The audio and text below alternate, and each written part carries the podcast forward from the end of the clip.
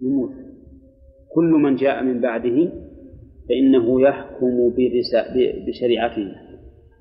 ولهذا قال قفينا من بعده بالرسل. إلى أن وصل الدور إلى وآتينا عيسى ابن مريم البينات. آتيناه بمعنى أعطيناه وهو إيتاء شرعي. وقول عيسى ابن مريم نسبه إلى أمه لأنه ليس له أب. وقوله سبحانه وتعالى البينات. هذه صفة لموصوف محذوف. تقديره الآيات البينات. فما هي هذه الآيات البينات؟ هل هي المعجزات التي ذكرها الله سبحانه وتعالى في سورة المائدة؟ أو أنها الإنجيل. أو أنها هذا وهذا. كلاهما. هذا وهذا. فالإنجيل بينات وكذلك الآيات المحسوسة الحسية اللي هي المعجزات هي أيضا بينات. مثل هي الموت. إخراجهم من القبور. وإقراء الأكمه والأبرص نعم. يخلق من الطين كآيات الطير فينفخ فيه فيكون طيرا بإذن الله. وفي القراءة الثانية فيكون طائرا بإذن الله. يعني يطير بالفعل. ها؟ كل هذه من الآيات التي أوتيها عيسى بن مريم. ولهذا قال آتيناه البينات. يعني الآيات البينات التي تبين الظاهرات التي تدل على أنه نبي. لأن مثل ما جاء به لا يمكن أن يقدر عليه البشر. وقد ذكر أهل العلم أنه في عهد عيسى صلى الله عليه وسلم قوي الطب وارتقى ارتقاء عظيما. لكن الأطباء مهما ارتقوا لا يمكن أن يبرئوا الأكمه والأبرص ولا أن يحيوا الموت بل ولا يمكن أن يبقوا حياة من حضره الموت. نعم. فضلا عن أن يردوا إليه روحه بعد موته. طيب. وآتينا عيسى بن مريم وأيدناه بروح القدس. أيدناه بروح القدس. أيدناه قويناه. كقوله تعالى فأيدنا الذين آمنوا على عدوهم فأصبحوا ظاهرين أي قويناهم عليهم. وهو معروف اشتقاقه لأنه من الأيد بمعنى القوة كما قال الله تعالى والسماء بنيناها بأيد أي بقوة فمعنى أيدناه قويناه. وقوله بروح القدس من باب إضافة الموصوف إلى صفته أي بالروح المقدس. بالروح المقدس والقدس والقدس بمعنى الطاهر. ما المراد بروح القدس؟ اختلف في ذلك المفسرون. فقيل إن المراد روح عيسى لأنها روح قدسية طاهرة. نعم. ما تحدرت من صلب ذكر ولا خرجت من رحم طامه يعني حائر. فهو مطهر. يكون هذا أيدناه بروح القدس أي قويناه بكونه جاء بدون أب. هذا قول. والقول الثاني إن المراد بروح القدس أي بالإنجيل لأن الوحي روح. كما قال الله تعالى وكذلك أوحينا إليك روحا من أمرنا. ما كنت تدري من الكتاب ولا الإيمان. وقيل المراد بروح القدس روحه مضافة إلى الله. يعني كقوله ونفخنا فيها من روحنا. يعني بروح الله. فعليه ما تكون من باب إضافة الصفة إلى الموصوف الموصوف إلى صفته بل من باب إضافة المخلوق إلى خالقه. هذه أقوال ثلاثة والقول الرابع أن المراد بروح القدس جبريل. جبريل عليه الصلاة والسلام. لقوله تعالى نزل به الروح الأمين على قلبك.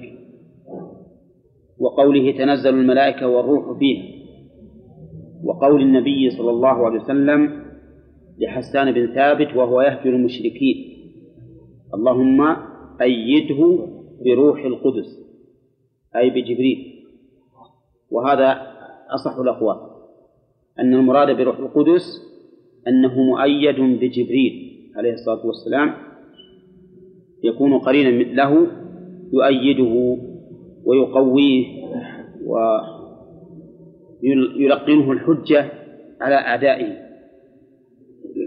فصارت الأقوال أربعة. أحدها أن أولا أن روح القدس أي الروح التي مضافة إلى الله الروح المضافة إلى الله. وعلى هذا القول تكون من باب إضافة المخلوق إلى خالق. والله تبارك وتعالى قدس وقدوس الملك القدوس. نعم. ثانيا المراد بروح القدس الإنجيل. لأن الوحي روح وثالثا المراد بروح القدس روحه هو المقدسة فليست من باب إضافة هي روح يعني هي روح لكنها ليس الفرق بينه وبين القول الأول. هنا أنهم يجعلون القول الأول يجعلون القدس الله وهؤلاء يجعلون القدس نفس الروح. نعم القول الرابع أصحها أنه جبريل ووجه ذلك وجه ترجيحنا له أننا إذا قلنا أيدناه بروح القدس سواء قلنا الروح المقدسة أو روح الله فإنه لا وجه لذلك لكونه مؤيدا به لأن روحه سبقت وجوده قبل أن يكون نبيا والتأييد بالشيء يكون الشيء مقارنا له مقارنا له في وقت التأييد. وأما القول بأنه الإنجيل يعني أيد بالإنجيل فيضعفه قوله تعالى اذكر نعمتي عليك إذ أيدتك بروح القدس تكلم الناس في المهد وكهلا وإذ علمتك الكتاب والحكمة والتوراة والإنجيل. مثل معنى علمتك الكتاب والحكمة والتوراة والإنجيل مع قوله أيدتك بالإنجيل يكون هذا شبه تكرار. يكون شبه تكرار. والقرآن إذا أمكن أن يجعل الكلام تأسيسا فهو أولى من أن يكون تأكيدا. حتى القرآن غيره إذا دار الأمر بين أن يكون الكلام تأسيسا كل جملة لا معنى مستقل أو تأكيدا كل جملة بمعنى الجملة الأخرى فالأولى أن يكون تأسيسا. وهذا الذي رجحناه هو الذي رجحه ابن جرير وابن كثير. أن المراد بروح القدس من؟ جبريل عليه الصلاة والسلام. طيب هنا بين الله أنه آتى موسى الكتاب وآتى عيسى ابن مريم البينات وأيده بروح القدس وجاءت الرسل متتابعة. فماذا كان حال بني إسرائيل مع هؤلاء الرسل المؤيدين؟ الجواب أفكلما جاءكم رسول بما لا تهوى أنفسكم استكبرتم؟ أفكلما كلما أداة تكرار هي شرطية ولكنها تفيد أيضا التكرار. شرطية تفيد التكرار. وعليه نقول إن هؤلاء يتكرر منهم هذا الفعل القبيح. أفكلما جاءكم رسول منين؟ من الله رسول من الله. بما أي بشرع لا تهوى لا تريد أنفسكم. استكبرتم هذا جواب الشر جاء فعل الشر واستكبرتم جواب الشر وفي قوله أفكلما جاءكم استكبرتم دليل على أنهم يبادرون الرسل في أي شيء؟ بالاستكبار. ما يتأنون كل ما جاءهم استكبروا على طول. لأن هذا نتيجة ترتب الشرط الجزاء على الشرط أن يكون الجزاء عقيبا للشرط. كلما وجد الشرط وجد الجزاء فورا. إذا كلما جاء هؤلاء الإسرائيليين كلما جاءهم رسول بما لا تهوى أنفسهم استكبروا. إذا جاءهم رسول بما تهوى أنفسهم مفهوم الآية؟ أنهم لا يستكبرون ولكن لا لأنهم قبلوه لا لا ولكن لم يقبلوه لأنه رسول بل لأنه تهواه أنفسهم. فإذا هؤلاء ما عبدوا الله بهداهم ولكن بهواهم. والعابد لله سبحانه وتعالى بهواه ليس بعابد بل إن العابد لله حقا هو الذي يعبد الله بالهدى لا بالهوى. نعم. ولا فرق بين في العبادة بين أن تكون عقيدة أو قولا أو عملا. فهمتم؟ لا فرق. فالإنسان اللي ما يقبل من العقيدة إلا ما دله عليه عقله كما يزعم هل يكون مؤمنا حقا؟ لا بل هو مستكبر. اللي يقول مثلا ما أؤمن بهذه الصفة لله لأن عقلي ما يقبلها. العقل ينكر هذا الشيء. نقول إذا ما آمنت بالكتاب آمنت بالعقل. عقلك ومعلوم أن كل عقل يخالف القرآن والسنة فهو عقل فاسد. ولهذا ينعى الله سبحانه وتعالى هؤلاء المكذبين للكتاب والسنة بأنهم لا يعقلون.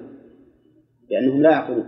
كل عقل يدعي صاحبه أنه عقل وهو يخالف الكتاب والسنة فإنه لا يعتبر عقلا. وهذا حق لأن العقل كما قال ابن تيمية رحمه الله يقول النقل الصحيح يوافق العقل الصريح. النقل الصحيح يوافق العقل الصريح يعني الخالص اللي ما فيه شبهات أو شهوات. إذا نقول هؤلاء الجماعة بنو إسرائيل إذا جاءهم رسول بما تهوى أنفسهم ما استكبروا عن قبوله ولكن هل هذا دليل على أنهم مؤمنون؟ بالنبي لأنه نبي؟ لا, لا. إنما آمنوا بما يطابق أهواءهم. هل في هذه الأمة من يشبههم؟ في هذه الناحية؟ نعم. في كثير. في كثير من يشبههم في العقيديات وفي العمليات. نعم كثير من الناس يتحيلون ويؤولون في العقيدة في الأسماء والصفات كما مر علينا كثيرا. نعم. وفيهم من من يتحيل بالعمليات. يحرم الله الشيء مثلا ثم يتحيلون عليه بتحليله. أو أو يحرفون النصوص من أجل هذا. وإذا جاءهم أمر يطابق أهواءهم يرتاحون له وتنشرح به صدورهم وإذا جاء أمر لا يهوى أهواءهم لا, لا يوافق أهواءهم والعياذ بالله يضيقون به. وقد قال الله تعالى فلا وربك لا يؤمنون حتى يحكموك فيما شجر بينهم ثم لا يجدوا في أنفسهم حرجا مما قضيت ويسلموا تسليما. يعني ما يكفي أن لا يكون فيك حرج بعد. لا بد من ثلاثة أمور. تحكيم. والثاني انشراح وأن لا يكون حرج. والثالث انقياد تام. ويسلم تسليما. إذا فقد واحد من هذه الأمور الثلاثة فإن الإيمان ناقص. وقد يزول بالكلية. هؤلاء في هذه الأمة من يشابههم؟ كثيرا. في العقيديات قلت وفي العملي وفي العمليات. نعم. مقابلها وش قصدك في مقابلها؟ هو الجواب. هو الجواب. كلما جاءهم استكبروا. لا قصدي اللي بعد نعم. هذا تقدم لنا أن مثل هذه الصيغة للنحويين فيها قولا. نعم. إما أن الهمزة معطوفة آه، الهمزة داخلة على أول جملة وتكون الجملة التي دخلت عليها الهمزة محذوفة. تقدر بما يناسب المقام. أو أن الهمزة في أثناء الجملة والفاء عاطفة لكنها مزحلقة عن مكانها وأصله فأكلما جاءكم. وقلنا لكم إن هذا أسهل لأن الأول في الحقيقة يصعب عليك أحيانا تقدير الشيء المناسب. وقوله تعالى ففريقا كذبتم طيب استكبرتم؟ ما معنى استكبر؟ أي سلك طريق الكبرياء.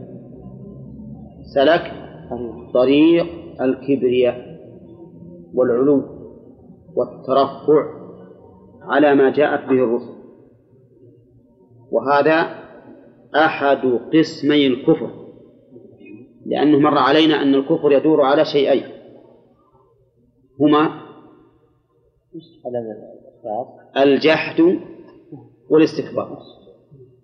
لو لو أنك تأملت كل الكفر أنواعه لوجدته يعود إلى هذين الأمرين إما الجحد وإما الاستكبار لكنه أنواع أنواع وأفراد إنما ما ما يخرج عن هذين الأمرين. استكبرتم وش معنى استكبرتم؟ سلكتم طريق الكبرياء والعلو والترفع عن ما جاءت به هؤلاء الرسل. نعم؟ لا. كيف الجهل استكبار والتكذيب أيضا آه، وكذلك أيضا الترك. إي نعم نعم يدل على شيئين إما تكذيب وإما استكبار فالتكذيب واضح أن يقول هذا كذب وهذا غالبا يكون في الإخبار. والاستكبار يكون في الأعمال. يقال مثلا افعل ولكنه لا يفعل. ويصدق بأن هذا واجب وأنه جاء به الشرع. ولكنه يستكبر عنه ما يفعله. نعم.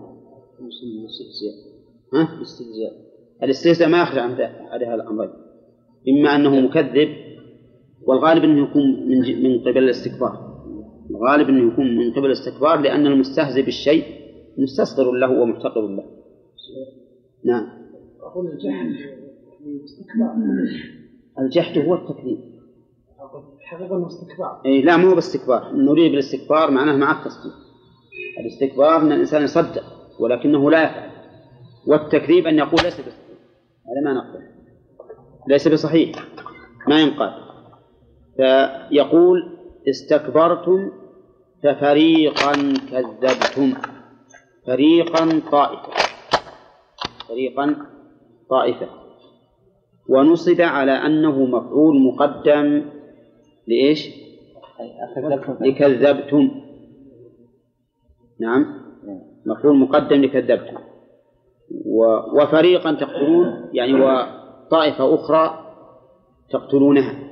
وقدم أيضا فهو مفعول مقدم لتقتلون. مفعول مقدم لتقتلون. طيب نحن قرأنا من قواعد البلاغة أن تقديم ما حقه التأخير وش يفيد؟ يفيد الحصر. وهنا فيه تقسيم فريق وفريق. وهذا ينافي الحصر لأن الفريق معناه إذا كان يقابل فريق آخر فإن معناه أنه ليس هناك حصر. لكننا نقول في الحقيقة أن فيه انحصار هنا بالنسبة للطرفين. يعني معناه انحصر منهاج هؤلاء بالنسبة للرسل في في فريقين. إما مقتولون وإما مكذبون. منهم من يكذبونهم تكذيبا ولكن ما يتعرض لهم بالقتل ومنهم من يقتلونهم أيضا. مع التكذيب يقتلونهم وهنا قال كذبتم وقال تقتلون. فعل مضارع وذاك فعل ماض أما كون الأول فعلا ماضيا فالأمر فيه ظاهر لأنه وقع منهم التكذيب ولا لا؟ وأما الإتيان بفعل مضارع بالنسبة للقتل بالنسبة للقتل فهو أولا مراعاة لفواصل الآيات لأنه لو قال وفريق قد قتلتم ما تناسبت مع التي قبلها والتي بعدها. ثم إن بعض العلماء أبدى فيها نكتة وهي أن هؤلاء اليهود استمر قتلهم حتى بالنسبة للرسول صلى الله عليه وسلم. فإنهم قتلوا الرسول عليه الصلاة والسلام. بالسم الذي وضعوه له في خيبر. فإنه ما زال عليه الصلاة والسلام يتأثر منه حتى إنه في مرض موته قال ما زالت أكلة خيبر تعاودني وهذا أوان انقطاع الأبهر مني.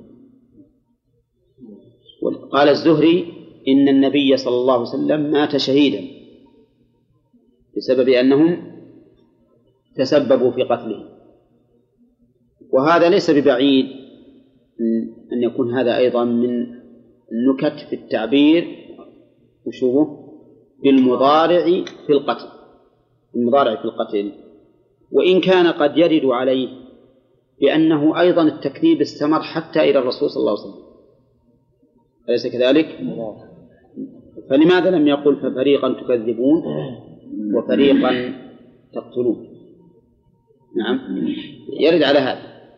ولكننا نقول إن ملاحظة فواصل, فواصل الآيات عندنا أقوى. أقوى ولهذا لو كان المقصود به ملاحظة استمرار قتلهم الأنبياء لكان أيضا يراعى في ذلك استمرار تكذيبهم. يعني كذبوا الرسول علانية واضح. حتى إنهم في قصة إسلام عبد الله عبد الله بن سلام لما شهد للرسول بالحق وكانوا بالأول يقولون إنه خيرنا وابن خيرنا. لما شهد للرسول صلى الله عليه وسلم بالحق وش قالوا؟ قالوا شرنا وابن شرنا نعم. أثنوا عليه شرا. في هذا ما يعني توبيخ ولوم بني إسرائيل على من وبيان منهاجهم بالنسبة للشرائع وبالنسبة لمن جاء بالشرائع. ففي الشرائع لا يقبلون إلا ما جاء ما وافق أهواءهم. وبالنسبة لمن جاء بالشرائع انقسموا إلى قسمين في من جاءهم بما لا تهوى أنفسهم. فريقا يكذبون وفريقا يقتلون. نعم. حتى يقتلون نعم. أنا عندي معنى نعم. الكذب حاصل. نعم. حصل منهم لا شك. نعم. والتقتيل يحاولون يقتلون. فقد يكون استمرار؟ والكذب والقتل ما حصل. حصل. بعض لا كله في ماضي في ماضي لأن الله يقول يقتل الأنبياء بغير حق. في آيات كثيرة. التكذيب حاصل لا شك. إيه وهذا والقتل حاصل. لا قصدي إن هذا كله حاصل. هذا بعضه. ما يظهر منه. اللي يظهر انهم يقتلون وأنهم كل من أرادوا قتله قتلوه. كما أنهم يكذبون. نعم.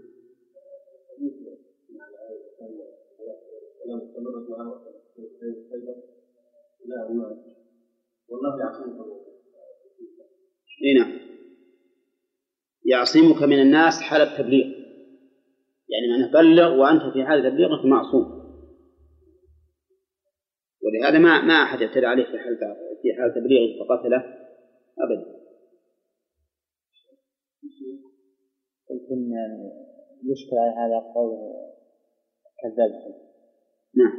ما لا يقتلون اي ويقال أن الكذب صار صفه لازمه لله فلا يحتاج لا، قتل أما لو كان بالجملة الاسمية صح هذا التوجيه. لأن الجملة الاسمية تفيد الاستمرار. أما الجملة الفعلية فلا حتى أنهم قالوا أن الفعل المضارع جملة الفعل المضارع تدل على الحدوث الاستمرار لكن الماضي ما يكون أهون من المضارع. ما هو بظاهر ما يظهر له ما يظهر له حتى ولهذا فيما يظهر والله أعلم أن مراعاة فواصل الآيات هو أقوى شيء. مراعاة لفظية تكون. نعم.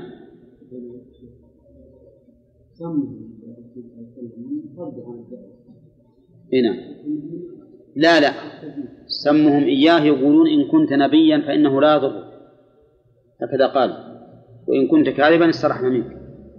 فما ضره حتى أتم الله تعالى ما أراد من دعوته. وقالوا قلوبنا غلف. نسأل الله العافية. هذه الحجة الفاسدة.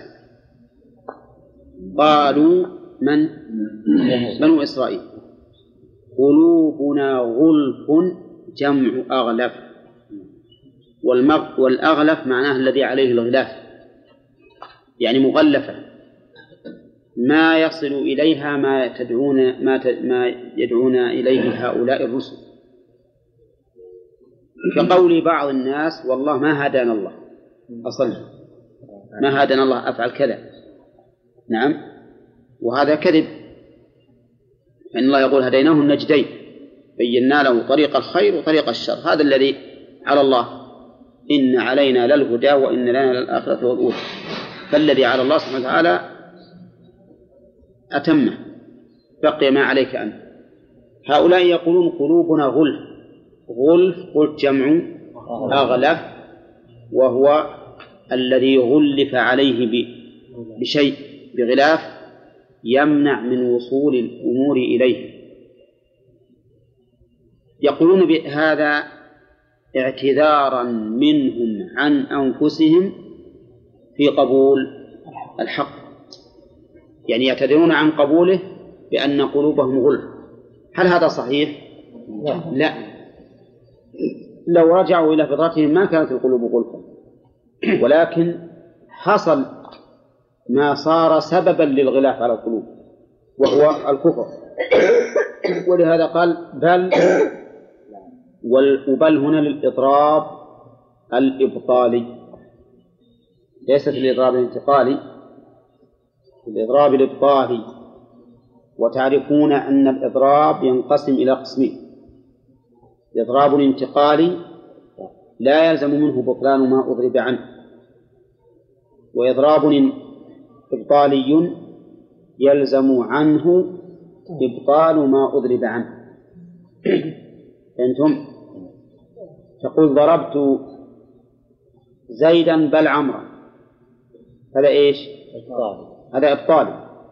يعني إنك أبطلت الأول وجعلت الحكم الثاني. وقال الله تعالى بل ادارك علمهم في الآخرة بل هم في شك منها بل هم منها عمون. هذا انتقال. يعني ان أحوالهم تنقلت بعد علمهم في الآخرة ثم حصل لهم الشك ثم العمى والعياذ بالله. هنا إبطال إضراب إبطالي أبطل الله ما ادعوه وبين السبب الحقيقي وهو لعنة الله إياهم والعياذ بالله بل لعنهم الله. لعنهم بمعنى طردهم. وأبعدهم عن رحمته. فاللعن معناه الطرد والإبعاد عن رحمة الله. ولكن هذا اللعن ظلم أو بسبب من عند أنفسهم. وهو بكفرهم. لعنهم الله بكفرهم. والباء هنا للسببية أي بسبب كفرهم لعنوا فطبع على قلوبهم. كما في قوله تعالى كلا بل ران على قلوبهم ما كانوا يكسبون. الذين إذا قرئ عليهم القرآن قالوا هذا أساطير هذا أساطير الأولين. إذا تتلى عليه آياتنا قال أساطير الأولين. لماذا يقول عن هذه الآيات العظيمة المؤثرة المثيرة؟ لماذا يقول عنها أساطير الأولين؟ أي لأنه غلف على قلبه ولهذا قبه بقوله كلا ليست أساطير الأولين بل ران على قلوبهم ما كانوا يكسبون. فلم يصلوا إلى الحق وقد قلنا كثيرا إن الإنسان إذا قرأ القرآن فلم يره مؤثرا على قلبه فليعلم أن هناك ذنوبا رانت على القلب. لأن القلب إذا وصل إليه القرآن لا بد أن يؤثر فيه. لو أنزلنا هذا القرآن على جبل لرأيته خاشعا متصدعا من خشية الله. وتلك الأمثال نضربها للناس لعلهم يتفكرون. فهذا فهذا لو نزل وصل القرآن إلى القلب لا بد أن يؤثر فيه. فإذا لم يتأثر الإنسان بقراءة القرآن فإنه دليل على أن هناك حائلا حال بين وصول القرآن إلى قلبه أو حال دون وصول القرآن إلى قلبه وهي الذنوب. فليستعن بالله سبحانه وتعالى ويستغفر ويتوب. لعل الله تعالى يزيل عنه هذا الأثر. بل لعنهم الله بكفرهم فقليلا. طيب بكفرهم. كفر مصدر مضاف إلى إيش؟ مفعول. إلى فاعل. إلى فاعله مضاف إلى فاعل. لأنهم كافرون. قال فقليلا ما يؤمنون. البال السببية. قلنا نعم. فقليلا ما يؤمنون. انتبهوا للآية هذه. قليلا ما يؤمنون. فيها إشكال هنا. لأن قوله بكفرهم ثم قال قليلا ما يؤمنون. يقتضي أنهم ما كفروا كفرا مخرجا عن الملة. لأنه قليلا ما يؤمنون معناه وفيهم إيمان. فيهم إيمان. لكنه قليل. فاختلف العلماء في تخريج هذه الآية. منهم من قال إن القلة يعود على الفاعل لا على الإيمان. يعود على الفاعل لا على الإيمان. إيش معنى يعود على الفاعل؟ يعني قليلا المؤمن منه قليلا المؤمن منهم. فهمتم؟ ومنهم من قال إن القلة تعود إلى الإيمان لكن العرب يطلقون القليل ويريدون به العدم. نعم؟ تقول قل ما رأيته قط. هكذا التعبير العربي ومعنى قل ما رأيته قط أي ما رأيته أبدا. ما رأيته أبدا. فقليلا هنا أي أي عدما إيمانهم فيرون أن القلة بمعنى العدم. القول الثالث في المسألة وعلى هذين القولين وعلى هذين القولين فما زائدة. زائدة لتأكيد القلة. نعم. لأنك لأن المعنى فيؤمنون قليلا فيؤمنون قليلا. سواء قلنا يعود على الإيمان أو يعود على المؤمن على الفاعل. وبعضهم يقول إنما ليست زائدة بل هي نافية. نافية. والتقدير فما يؤمنون قليلا.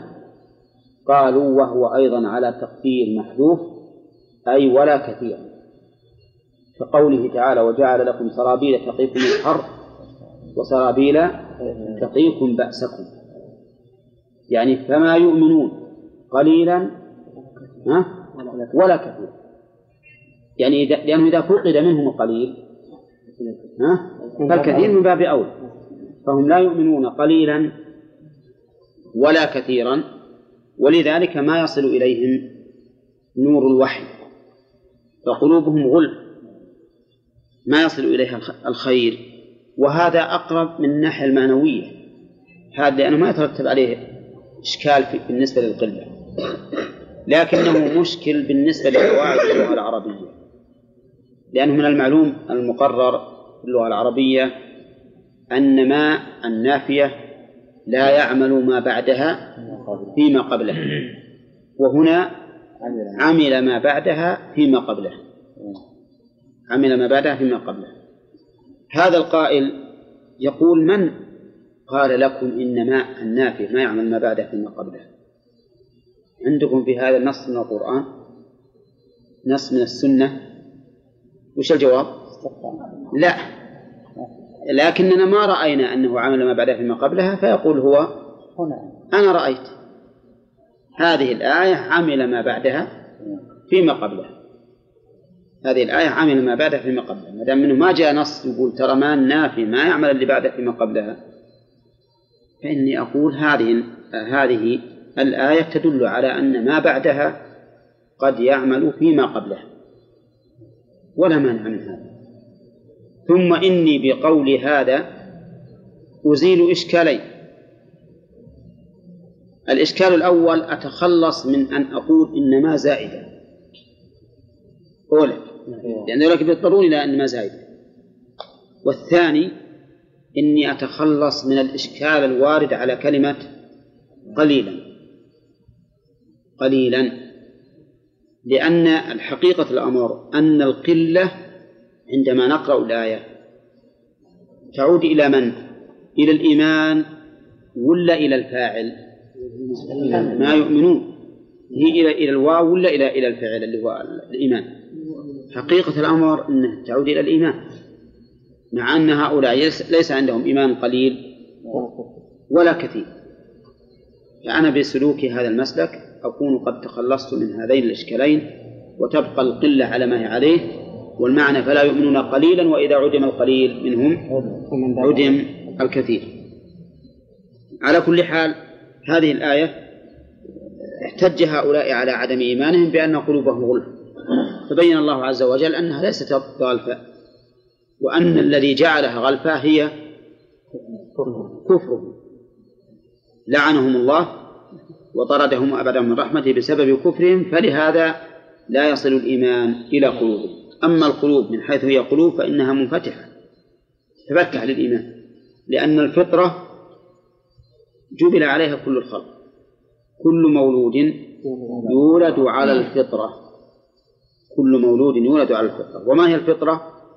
فأقم وجهك للدين حنيفا فطرة الله التي فطر الناس عليها. قال الله سبحانه وتعالى ولما جاءهم والله أنا عندي هذا الوجه أقرب. الأخير. هو أقرب. من قال يكون تعمل نعم نعم. يقول نعم. نقول إذا إذا دلت الذي عنه يعمل يحمل تقول زيدا ما ضربت وش المانع؟ إني ما ضربت زيدا. ولما جاء نعم. إذا كان الفاعل إذا كان القليل الفاعل ما تكون ناس موصول. فيكون زيدا. فقليلا لا يشكل علينا أن تكون فقليل يعني فالذين يؤمنون قليل ولما جاءهم كتاب من عند الله مصدق لما معهم وكانوا من قبل يستفتحون على الذين كفروا إلى آخره هذه والعياذ بالله خاتمة المطاف. كل الرسل السابقين يكذبونهم ولا يقبلون ما جاءوا به. فجاءهم كتاب من عند الله. ولما جاءهم كتاب من عند الله إيه وين جواب ولما؟ كفروا به. كفروا به. هذا الجواب. لما جاءهم كتاب من عند الله وهو القرآن. نعم. ونكره هنا للتعظيم. كتاب وأكد تعظيمه بقوله من عند الله. من عند الله. لكن ما هو الدليل بأنه من عند الله؟ إذا قالوا هذا من كلام محمد صلى الله, عليه وسلم فما هو الدليل؟ ها؟ الدليل أن الله سبحانه وتعالى شهد للرسول عليه الصلاة والسلام بأنه من عنده. شهد له بنصره إياه. بنصره إياه. الرسول يقول هذا القرآن من عند الله وأنا أجاهدكم به وعليه وأنتصر عليكم لو كان من عند غير الله هل ينتصر به؟ ما يستطيع. ما ينتصر به. لو انتصر به لكان معناها أن الله ينصر الباطل وهذا مناف لحكمة الله. إذا هو من عند الله بشهادة الله له كما قال الله تعالى لكن الله يشهد بما أنزل إليك أنزله بعلمه. نعم والملائكة يشهدون إلى آخره. لكن الله يشهد بما أنزل إليك. شهادة قولية وشهادة فعلية. وقوله من عند الله أضافه إلى إلى عند الله لأنه كلامه. كما سيأتينا إن شاء الله في فوائد الآية. وقوله مصدق لما معهم. مصدق سبق لنا أن قلنا إن معنى تصديق القرآن لما سبقه له وجهان. هما؟ تصديق القرآن؟ لما لما سبق. نعم. ها؟ أنه من عند الله. لا، يصدق ما سبق. نعم. نعم. ذك- ذكرنا أن له وجهين نعم. أول شيء أنه من عند الله. لا. الوجه الأولاني أن أخبار آه، القبل والبعد شلون؟ يعني أخبار في آه، في السابق وفي لا لا سلام. لأنه موافق في الأصول أصول الشرائع. لا. لا. إن مصدق يعني أنه حكم بصدقه. قال إنها صدق. آمن الرسول بما أنزل عليه من ربه والمؤمنون كلنا آمن بالله وملائكته وكتبه ورسله. فهو يقول عن التوراة إنها حق وعن الإنجيل إنه حق وعن الزبور إنه حق. نعم. فهو يصدقها. كما لو أخبرني مخبر وقلت صدقت. أكون مصدقا له؟ أكون مصدقا له. الوجه الثاني من تصديقه لها أنه جاء مطابقا لما أخبرت به. يعني هي أخبرت فجاء مصدقا له. جاء مطابقا لما أخبرت به. عيسى بن مريم عليه الصلاة والسلام قال إني رسول الله إليكم جميعا مصدقا لما بين يدي من التوراة ومبشرا برسول يأتي من بعدي اسمه أحمد. فجاء هذا الكتاب مصدقا لهذه البشارة. فهذا معنى كونه مصدقا لما سبق أنه يقول إنها صادقة وأنه جاء مطابقا لما أخبرت به. وقوله لما معهم منين؟ من التوراة والإنجيل. وهذا واضح بأن التوراة أخبرت بالرسول عليه الصلاة والسلام. أخبرت بالرسول صلى الله عليه وسلم إما باسمه أو بوصفه الذي لا ينطبق على غيره. وقول الإمام وكانوا من قبل أي من قبل أن يجيئهم؟ وهنا من قبل. ليش مضمومة من حرف جر؟ لأنها مبنية. وقد مر علينا أن قبل وبعد وفوق وتحت وما أشبهها. إن لها أربع حالات. منها البناء على الضم. إذا حذف المضاف إليه لا ونوي معناه. إذا حذف المضاف إليه ونوي معناه فإن تكون مبنية على الضم. أي جاء وكانوا من قبل أن يأتيهم هذا يستفتحون على الذين كفروا. يستفتحون بمعنى أنهم يستنصرون ويقولون سيكون لنا الفتح عليكم يعني النصر عليكم. وقول الذين- الذين كفروا منين؟ من من المشركين اللي هم الأوس والخزرج.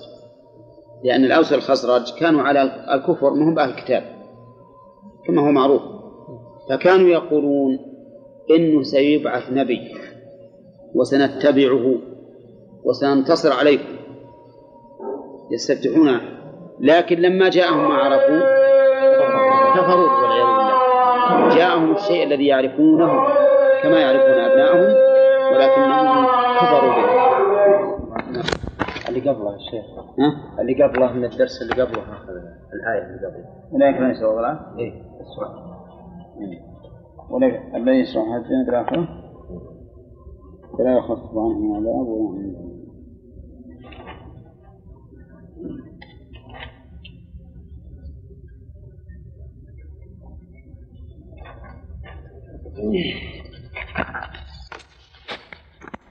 يكفرون بآياته إنما يريدون بذلك الحياة الدنيا. لأن الإشارة في قول أولئك على من سبق ذكرهم الذين يؤمنون ببعض الكتاب ويكفرون ببعض. الفائدة الثانية من هذه الآية أن الدنيا والآخرة ضرتان بمعنى أن من أراد إحداهما كاملة أضر بالأخرى. ولكن أما من أراد الدنيا فلا شك أنه يضر بالآخرة بالآخرة. وأما من أراد الآخرة فإنه لا يفوته شيء من الدنيا. لقوله تعالى من كان يريد حرث الآخرة نزيد له في حرثه ومن كان يريد حرث الدنيا نؤته منها وما له في الآخرة من نصيب. ما كان نعم. ما كان إلا إذا أراد الإنسان إحداهما كاملة وخصوصا الدنيا إذا أرادها أضرت بالآخرة بالعكس لا تضره إذا قلنا بأن قوله نزد له في حرثه يعني نؤتيه من الدنيا أيضا. وفي أيضا دليل على استمرار العذاب على من آثر الدنيا على الآخرة. وجعلها بديلا عنها لقوله فلا يخفف عنهم العذاب. الفائدة الرابعة أن هؤلاء لا ليس لهم ناصر ينصرهم ويمنعهم من عذاب الله لا آلهتهم ولا زعماؤهم بل إنهم هم يلعنون زعماءهم يوم القيامة. وقالوا ربنا إنا أطعنا سادتنا وكبراءنا فأضلونا السبيل وكذلك زعماؤهم يتبرؤون منه. إذ تبرأ الذين اتبعوا من الذين اتبعوا. والآية الثالثة كلما دخلت أمة لعنت أختها.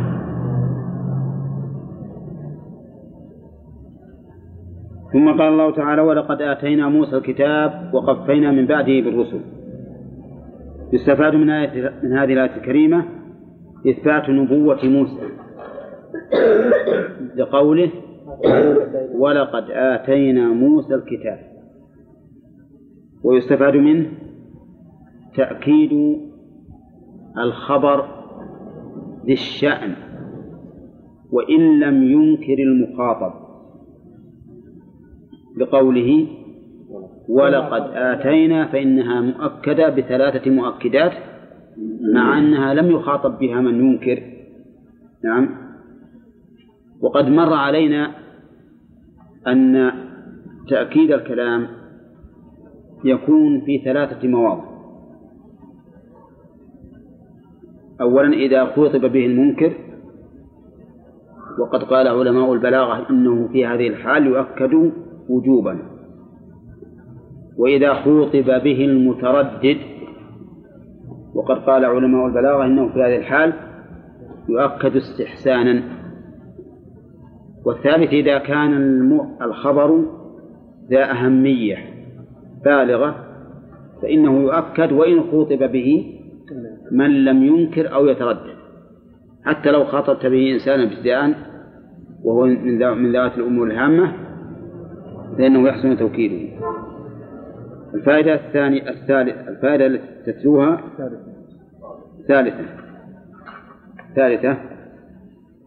أن من بعد موسى من الرسل تبع له من بني إسرائيل. لقوله وقفينا من بعده بالرسل. ويشهد لذلك قوله تعالى إنا أنزلنا التوراة فيها فيها هدى ونور يحكم بها النبيون الذين أسلموا للذين هادوا والربانيون والأحبار. الفائدة التالية ثبوت نبوة عيسى. لقوله وآتينا عيسى ابن مريم البينات. الفائدة التالية أن من لا أب له شرعا ينسب إلى أمه كمن لا أب له قدرا.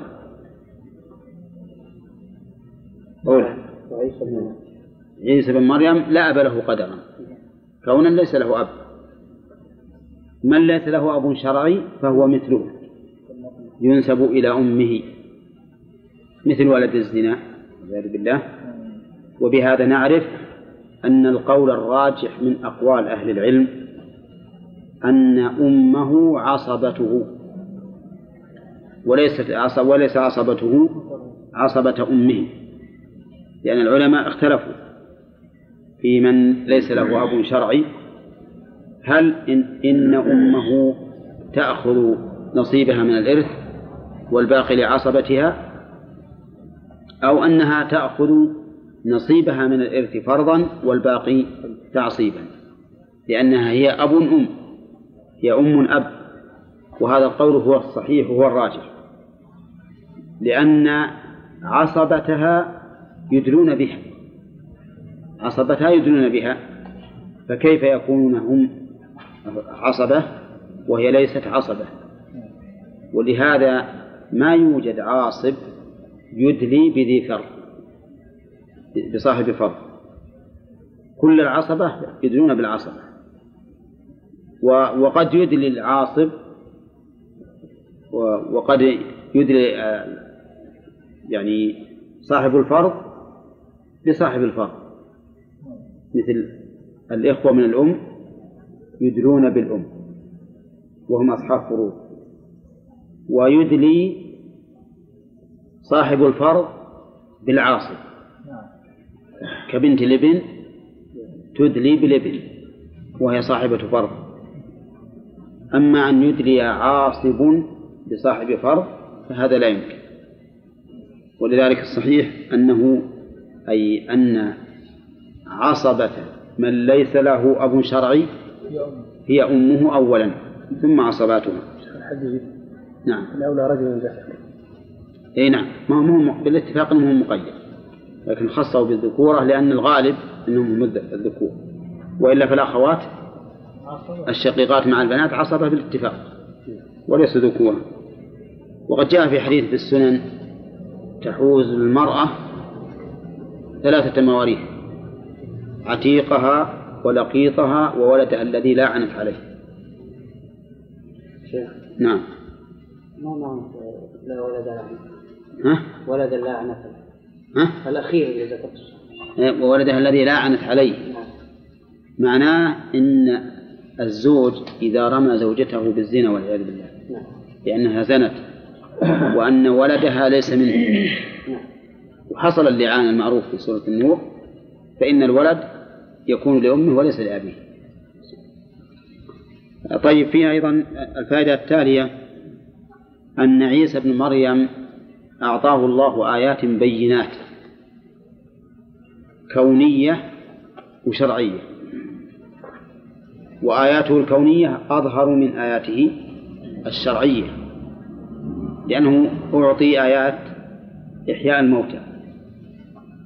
وإخراجهم من القبور وإبراء الأكمة والأبرص وأنه يصنع أو يخلق من الطير من الطين كهيئة الطير فينفخ فيه فيطير بإذن الله. نعم. وكذلك أيضا يخبرهم بما يأكلون وما يدخرون في بيوتهم. فهو آيات بينات كثيرة لعيسى بن مريم. قالوا وإن الحكمة لأن الطب في وقته عليه الصلاة والسلام ترقى كثيرا الطب.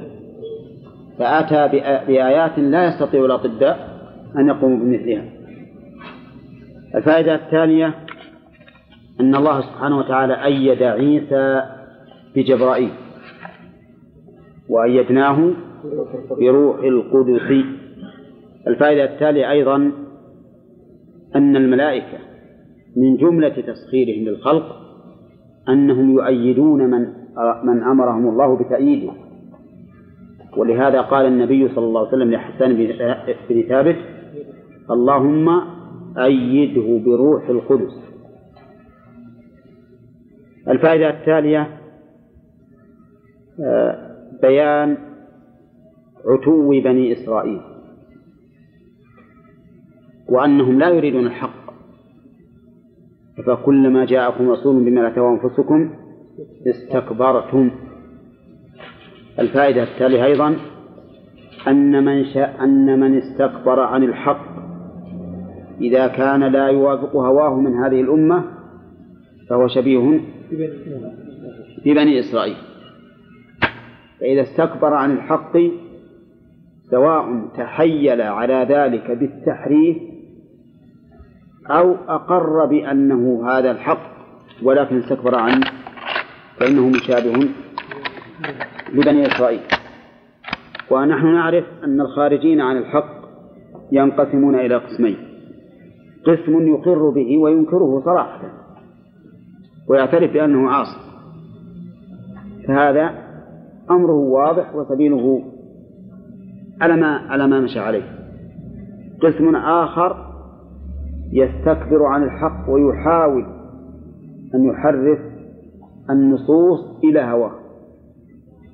وهذا الأخير أشد من الأول. أشد على الإسلام من الأول. لأنه يغتر به الناس. ومثال ذلك دعا بعض الدول العربية إلى الاشتراكية. دعوا إلى الاشتراكية. وأجلبوا وأطنبوا فيها. وصاروا يأتون بآيات وأحاديث متشابهات فيحرفونها لإثبات ما ذهبوا إليه. نعم. يقول الله قالوا إن الله يقول ضرب لكم مثلا من أنفسكم هل لكم مما ملكت أيمانكم من شركاء فيما رزقناكم؟ نعم. فأنتم فيه سواء. فأنتم فيه سواء. فهذا اشتراك. الناس شركاء في ثلاث الماء والكلى والنار. أيضا من كان عنده أرض فليزرعها أو ليزرعها. ولا يمكن تأجر الأراضي لازم نأخذ الفدادين من هؤلاء الناس. فمن ها؟ فمن الذين فضلوا براد رزقهم على ما يأتمنهم إي نعم. الحاصل إنهم هؤلاء نقول إن هذا نوع من الاستكبار ولكنه استكبار بخداع وهو أشد من الأول. إذا كل من سلك هذا المسلك من هذه الأمة فهو مشابه لليهود. الأول جحود الشيخ الاستكبار نعم. لا. استكبار الأول استكبار. أيهم الأول. إيه الأول استكبار. الأول استكبار.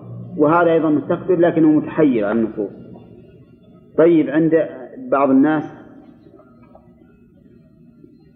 يستكبر عن الحق لأنه يخالف هوى نفسه. وبعض الناس يستكبر عن الحق لأنه أتى ممن يعتقد أنه دونه. فيقول أنت تعلمن وش أنت أنت رضيع أنك طالب. نعم. إحنا نتعلم من ها؟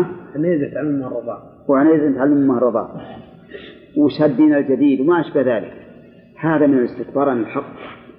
ولذلك الواجب أن الإنسان ما يتبع ما يقيس الحق بقائله وإنما يقيس الحق بدليل. إذا كان عنده دليل الحمد لله هذا هو الذي يريد الإنسان.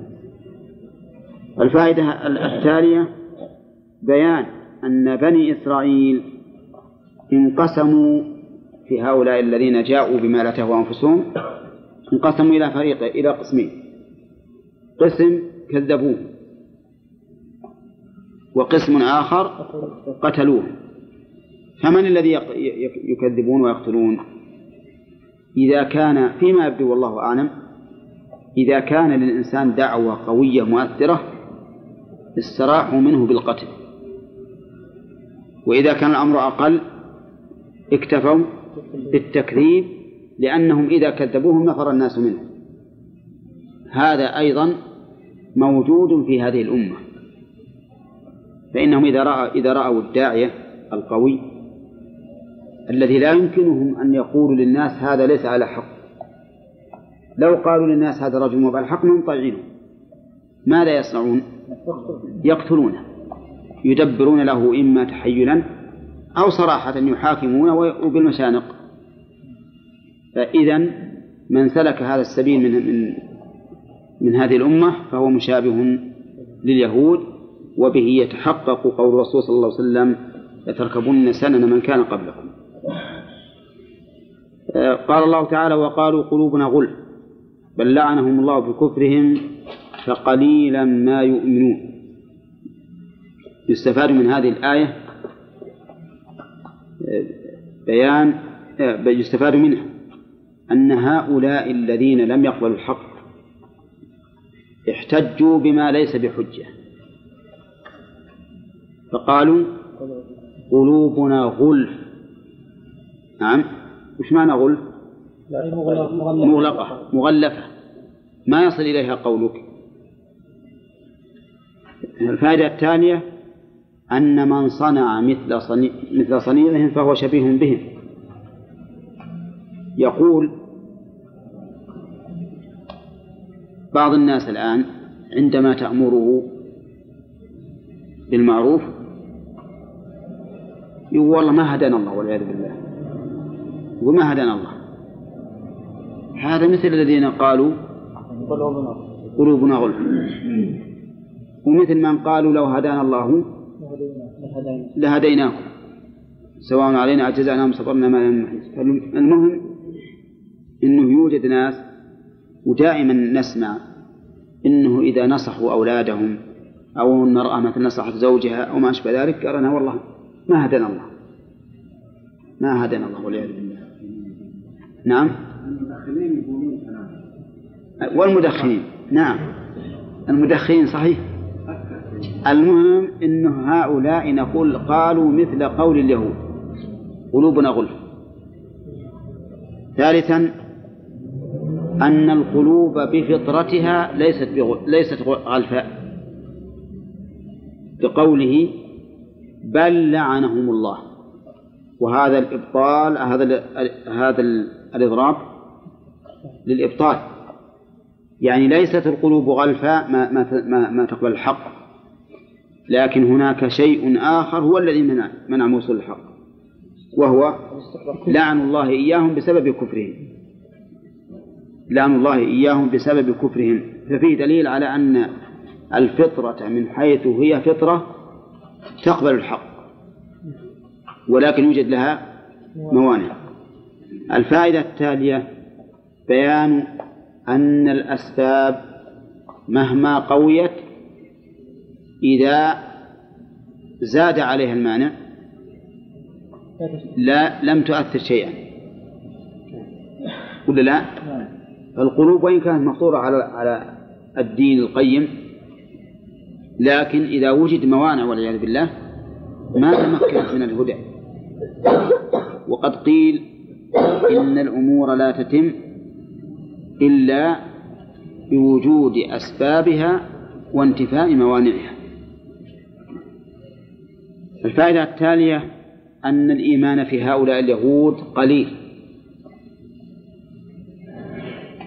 بقوله فقليلا ما يؤمنون فقليلا ما يؤمنون. وأظن تقدم لنا أن فيها خلاف للمفسرين والمعربين في قوله فقليلا ما يؤمنون. طيب هذه القلة هي بالنسبة للإيمان في قلب الإنسان ولا بالنسبة للكمية؟ ها؟ فيها قولا أيضا. فمنهم من يقولنا بالنسبة للكمية يعني قليلا من آمن ومنهم من يقول إنها بالنسبة للكيفية وأن معناها ما يؤمنون قليلا يعني ولا ولا كثير. فالإيمان معدوم. فالإيمان معدوم. إذا كان ما عندهم إيمان قليل ولا كثير فهو معدوم. نعم. اللعن أي نعم. إثبات الأسباب كقوله بل لعنهم الله بكفرهم هذا تريد؟ لا اللعن جواز اللعن. لعنوا بسبب لا هذا خبر خبر. هذا خبر. لعنوا بكفرهم هذا ما في شيء. يعني يؤخذ من الخبر فائدة. وهي؟ من كفر في سبب اللعن يلعن لا. لو وجدنا كافرا ما نقول لعنك الله. هنا. لكن لكن ما يجوز إن ندعو عليه باللعنة لأن الله نهى رسوله صلى الله عليه وسلم عن هذا. وقال ليس لك من الامر شيء أو يتوب عليهم أو يعذبهم. أما نعم لو مات على الكفر فيجوز لعنة. أو بشخص. إيه. أو نقول أما اللعنة على العموم مثل لعنة الله على الكافرين ما فيها ما فيها ما فيها بأس. طيب المهم فيها إثبات الأسباب وهذا مهم. بل لعنهم الله بكفرهم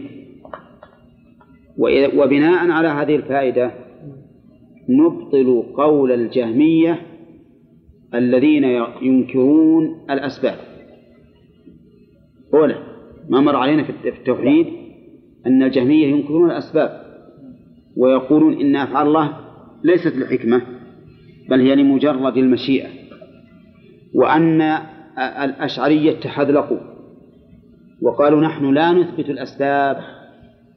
نعم كما يثبتها القدرية ولا ننكرها كما تنكرها الجهمية. ولكننا نقول إن الأسباب يحصل الشيء عندها لا بها. نعم. هم يقولون ما ننكر الأسباب لكن السبب ما يكون به الشيء يكون عنده الشيء. فإذا كسرت القارورة بالحجر وضرب الحجر واصطدم بها فهي لم تنكسر بالحجر لكن انكسرت عند الحجر. نعم. وكذلك أيضا لو ذبحت الشاة وماتت. يقول ما ماتت بالذبح ولكن عند الذبح. وهكذا من الكلام الخرافي بالحقيقة كلام غير معقول. نعم. العندية الأشعرية. الأشعرية اي نعم. ويدعون رجاحة العقول. اي نعم. طيب المهم إن في هذه الآية أثبتنا الأسباب. وهو أمر فطري حتى لو ترك الإنسان. بل البهيمة تعرف السبب. أليست تطلب الماء عند العطش؟ وتطلب العلف عند الجوع وتستكن من الحر ومن البرد. تدري مثلا أن دخولها في هذه المغارة ينجيها من من المطر أو من البرد أو من الشمس. تدري أن ذهابها إلى الماء وتشرب ينقذها من الهلاك وهكذا. فإثبات الأسباب في الحقيقة أمر فطري فطر عليه حتى البهائم فطرت عليه. ولما جاءهم كتاب من عند الله مصدق لما معهم. هذا مبتدأ درس؟ لا قرناها إلى ما لعنة الله. ولما جاءهم كتاب من عند الله مصدق لما معهم وكانوا من قبل يستفتحون على الذين كفروا. يستفاد من هذه الآية الكريمة أولا أن القرآن من عند الله. بقوله كتاب من عند الله. ثانيا أن القرآن كلامه سبحانه وتعالى. القرآن كلام الله تكلم به حقيقة لقوله من عند الله. ومعلوم أن الكلام ليس جسما يقوم بنفسه حتى نقول إنه مخلوق. إن الذين عند ربك لا يستكبرون عن عبادته هؤلاء من؟ هل يمكن أن نقول الملائكة صفة من صفات الله لأن لأن الله أضافهم إلى عنده؟ لا. لأنها أعيان قائمة بنفسها. لكن كتاب من عند الله الكتاب بمعنى المكتوب وهو الكلام المكتوب ما يمكن أن يستقل بنفسه. فهو كلام الله عز وجل. طيب هل القرآن كلام الله لفظا ومعنى؟ ها؟ لفظا ومعنى. من الذين قالوا إنه معنى لا لفظا؟ الأشاعرة. الجهمية والمعتزلة يقولون هو كلام الله لفظا ومعنى. لكنه مخلوق. مثل باقي المخلوقات. وأهل السنة والجماعة يقولون كلام الله لفظا ومعنى وهو غير مخلوق بل هو صفة من صفات الله. الفائدة التالية وهي الثالثة أظن عن التنويه بفضل القرآن بقوله مصدق لما معهم ولقول من عند الله لكن هذا معلوم أن أن ما كان صفة الله فهو كامل. لكن قوله مصدق لما معهم هذا تنويه بفضله وأنه ما أتى بشيء يكذب من سبقه من الكتب. الفائدة التالية أن هؤلاء اليهود كانوا يعرفون أن النبي صلى الله عليه وسلم سيبعث لقوله وكانوا من قبل يستفتحون على الذين كفروا يعني يستنصرون بمعنى يطلبون النصر أو يقولون به. نعم فهم قبل نزول القرآن قبل مجيء الرسول صلى الله عليه وسلم. يقولون للعرب إنه سيبعث نبي وينزل بكتاب وننتصر به عليكم. ولما جاء الأمر؟ لما جاءهم ما عرفوا كفروا به. شوف قال ما عرفوا ولم يقل ما علموا لأن المعرفة أخص أخص من العلم. لأنها كما قالوا انكشاف بعد بعد لبس. وبعد ما أنهم تحينوا الأمر وترقبوه جاءهم ما عرفوا. معرفة عينية كما يعرفون أبناءهم. طيب. وفي أيضا الفائدة التالية أن اليهود عليهم لعائن الله ما ما ما خضعوا للحق. حتى الذي يقرون به ما خضعوا له. لأنهم كفروا به فيدل على عتوهم وعنادهم. الفائدة التالية أن الكافر مستحق للعنة الله وواجبة عليه لقوله فلعنة الله على الكافرين. واللعنة مر علينا أنها هي الطرد. والإبعاد عن رحمة الله. ونبدأ الآن بدرس الليلة. نعم. بعض العلماء المفسرين نعم. استدلوا ولكن الكافر استدلوا بجواز لعن معين. نعم. فيأتي البقرة. نعم. أي لا الله من الناس أجمعين نعم. بحديث لا تلعنوا فإنه يحب الله ورسوله. نعم. قالوا منعهم عن لعنه لأنه يحب الله ورسوله. أي نعم. والكافر قطعا لا يحب الله ورسوله. أي نعم. لكن هذه من من من المتشابهات. هذه من النصوص المتشابهة. خصوصا أما الأول الأول ما في دليل لأنه عامة والعموم لا شك في جواز لعنهم. الثاني هذا المراد باللعن إما أن نقول المراد باللعن السب أو نقول إن هذا اللعن لهذا الرجل يدل مفهومه أن من لا يحب الله ورسوله فإنه يجوز لعنه. لكن هذا المفهوم عورض بالمنطوق الذي هو أقوى منه وهو أن الله سبحانه وتعالى نهى نبيه صلى الله عليه وسلم أن يلعن أئمة الكفر. كان يقول اللهم لعن فلان وفلان وفلان نسميهم وهم أئمة الكفر ونهي عن هذا. هذا في الصلاة. نعم. هذا في الصلاة. لا لا م- لأن الله بين العلة.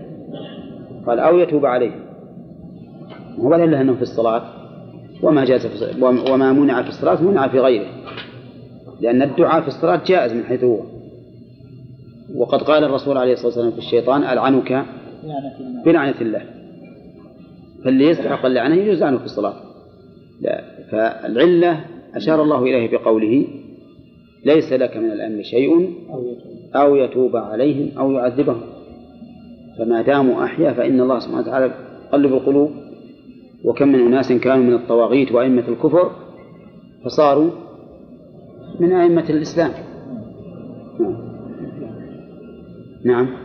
نهى عائشة نعم. يقول نهى عائشة عند كانوا يسلمون على النبي صلى الله عليه وسلم. يقول السلام عليكم. إي نعم. هذا نهاها لأن هذا من باب التفحش. الفحش والتفحش. قال الله لا يحب الفحش ولا التفحش. من هذا الباب. يحتمل أو أنه من باب المقابلة لأنهم هم يقولون عليكم السلام عليكم. فهو يجوز أنك تدعو على على من دعا عليك بمثله لكن مو بهذا العنف. بئس ما اشتروا به أنفسهم أن يكفروا بما أنزل الله بغيا. بئس فعل ماض لإنشاء الذنب بالكم يا جماعة. بئس فعل ماضي لإنشاء الذنب يقابلها نعمة فهي فعل ماضي لإنشاء؟ المدح. نعم. طيب وبئس ونعمة هل هما جامدان أو متصرفان؟ خلاف. جامدان لا جامدان نعمة في الكلمة إيه هذه تدخل تحت التأنيث ما هي مشكلة. جا- جامدان ما يمكن تقول مثلا نعمة وتجي فعل مضارع ولا فعل أمر ولا مصدر وكذلك بئس. فهما جامدان لإنشاء المدح أو الذم. وقوله بئس ما اشتروا. ما اسم موصول؟ بمعنى الذي بئس الذي اشتروا به أنفسهم. أو أنها نكرة موصوفة. لأن ما تأتي نكرة موصوفة وتأتي نكرة واصفة فتقول مر- مررت بما معجب لك. أي بشيء معجب لك. هنا قالوا إننا نجعلها نكرة موصوفة. نعم. لأن لأجل أن نجعلها لأجل أن نقول إنها تمييز منصوبة على التمييز. يعني بئس شيئا اشتروا به أنفسهم والمخصوص قوله أن يكفروا. أن يكفروا بما أنزل الله. يعني كفرهم. كفرهم بما أنزل الله. وإلا يصلح أن نقدرها اسما موصولا لكن ما دام عندنا المخصوص فالأولى أن نقدرها نكرة لتكون تمييزا. وقوله لا ما تصلح مصدرية لا تصلح وقوله اشتروا فسرها أكثرهم بمعنى باعوا وهي في اللغة العربية ليست بمعنى باعوا بل بمعنى اشتروا أخذوا اعتاضوا يعني. اعتاضوا نعم. و... وعلى هذا. فنقول اشتروا به أنفسهم يعني استنقذوها استنقذوا أنفسهم واعتاضوا به أنفسهم. لأنهم هم وجه ترجيح هذا وقد قال به بعض المفسرين إن اشترى على بابهم. لأنهم هم والعياذ بالله يعتقدون أنهم بهذه الطريق وهي الكفر أنهم اختاروا لأنفسهم الطريق الس... الطريق الأقوم ولا الطريق غير الأقوم؟ الطريق الأقوم. فكأنهم اشتروا أنفسهم. واعتاضوها عن سبيل مهلك لهم. وتعبير القرآن ما دام يمكن أن يكون له وجه فالأولى أن يكون على ما هو عليه على ظاهره. وإلا فتفسيرها أ- أوضح أوضح وأقرب. يعني بئس شيئا باعوا به أنفسهم كفرهم. يعني حيث أخذوا الكفر وباعوا أنفسهم ولكن إبقاءها على ظاهرها. ويصير المعنى كأنهم اشتروا أنفسهم بحسب اعتقادهم من أمر يكون به هلاكهم لو أخذوا به. يكون أولى وأ- وأحسن. وكأنهم رأوا بما على هذا التقدير اللي هو ظاهر القرآن كأنهم رأوا أن الكفر غنيمة وخير يشترى. نعم وينقذون به أنفسهم من, من الهلاك. وقوله تعالى أنفسهم يعني ذواتهم. والنفس تطلق على الذات. أن يكفروا أي كفرهم. أن يكفروا فأن هنا مصدرية والفعل بعدها مؤول بمصدر وهو المخصوص بالذم. مخصوص بالذم. وش إعراب المخصوص بالذم أو بالمدح؟ إعرابه مبتدأ مؤخر. إعرابه مبتدأ مؤخر. أن يكفروا بما أنزل الله. بما هذه اسم موصول. بمعنى الذي. والمراد به أي بما أنزل الله القرآن. المراد به القرآن لأنه قال بالأول ولما جاءهم كتاب من عند الله مصدق لما معه. هؤلاء اليهود كفروا بما أنزل الله وهو القرآن. أي يكفر بما أنزل الله؟ بغيا مفعول لأجله عامله قوله يكفر. والبغي فسره كثير منهم بالحسد. نعم. والظاهر أنه أخص من الحسد. وأنه متضمن لمعنى العدوان لأن الباغي هو العادي. كما قيل على الباغي تدور الدوائر وقيل البغي مرتع مبتغيه وخيم. فالبغي ليس مجرد الحسد فقط نعم قد يكون من أسبابه الحسد قد يكون من أسبابه الحسد. والذين فسروه بالحسد فسروه بسببه. ولكنه في الحقيقة يجب أن نفسره بظاهره. وأنه عدوانا حملهم عليه الحسد. طيب وقول أن يكفروا بما أنزل الله باغيا أن ينزل الله من فضله على من يشاء. يعني باغين في حسدهم أن ينزل الله من فضله والمراد بالفضل هنا الوحي القرآن. قال الله تعالى قل بفضل الله وبرحمته فبذلك فليفرحوا هو خير مما يجمعون. وقوله على من يشاء من عباده والفضل في اللغة الفضل زيادة العطاء. الفضل زيادة العطاء هذا في اللغة. والمراد به هنا القرآن. أو الوحي. وقد مر علينا فيما سبق في أصول التفسير إن المعنى غير المراد. المعنى ما يقتضيه اللفظ بحسب اللغة. والمراد ما يقتضيه السياق. نعم. وقوله على من يشاء من عباده. على من يشاء. من؟ اسم؟ موصول. ويعنى به من؟ ها؟ القرآن في الحقيقة نزل على النبي عليه الصلاة والسلام.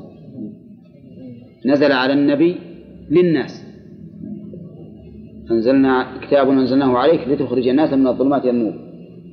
فعليه نقول من فضله على من يشاء الأولى أن نفسرها ونقول المراد بها الرسول صلى الله عليه وسلم.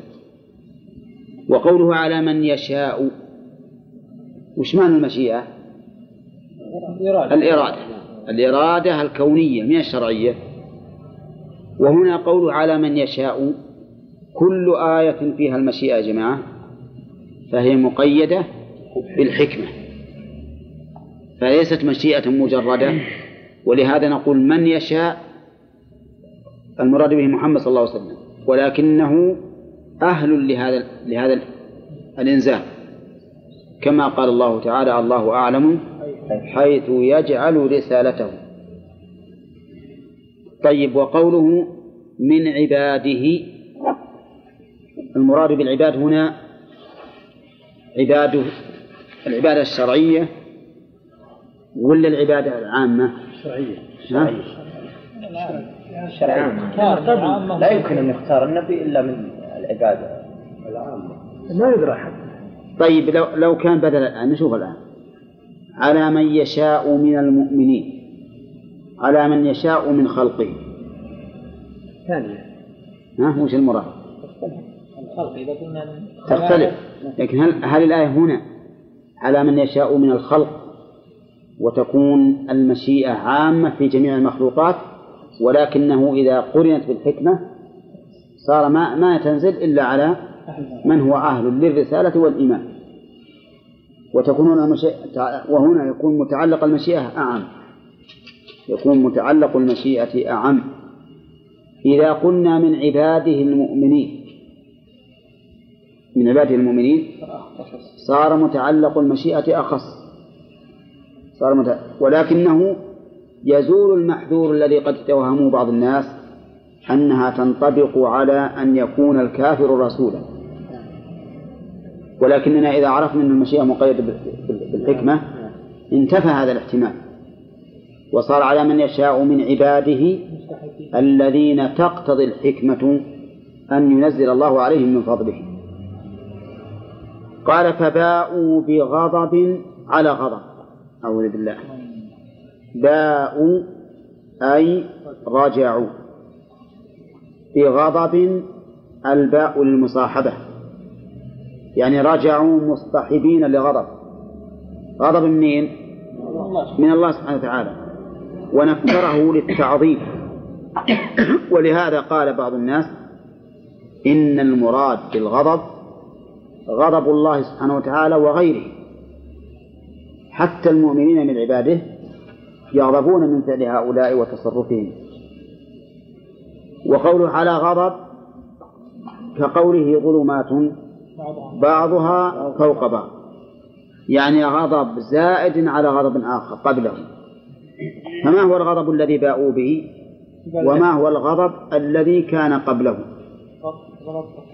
نعم نقول الغضب اللي باءوا به أنهم والعياذ بالله كفروا بما عرفوا. ولما جاءهم ما عرفوا كفروا به. هذا غضب. والغضب السابق أنهم كانوا يقتلون الأنبياء. كلما جاءهم رسول بما تهوى أنفسهم فريقا كذبوا وفريقا يقتلون. والغضب الثالث أيضا لأنه قد يكون معنى قوله باءوا في غضب على غضب كقوله تعالى فارجع البصر ثم ارجع البصر كرتين. يعني كرة بعد كرة. قد يكون غضب على غضب يعني غضبات كثيرة. منها أيضا البغي والعدوان. والحسد إن الله تعالى ينزل على من يشاء من عباده وربما يكون أيضا أكثر من هذا أنهم فعلوا أشياء توجب الغضب فركبت عليهم أنواع من الغضبات والعياذ بالله وللكافرين عذاب مهين لم يقل ولهم ومثل هذا يسميه أهل البلاغة. الإظهار. في موضع الإضمار. وله فوائد. الفائدة الأولى التعميم. إرادة العموم. لأجل يشمل العذاب لهم ولغيرهم هذه فائدة. الفائدة الثانية تنبيه المخاطب. تنبيه المخاطب. هذا واحد. نعم. والفائدة الثالثة؟ بيان العلة. بيان العلة. والفائدة الرابعة الحكم عليهم بهذا الوصف. لأنه لو- قال ولهم عذاب مهين هل هم كفار ولا هم كفار؟ الآية ما حكمت عليهم بالكفر لكن لما قال وللكافرين صاروا مستحقين لهذا الوصف. مستحقين لهذا الوصف. إذن الفوائد أربع تنبيه المخاطب وإرادة العموم وبيان العلة. كذا؟ بعد؟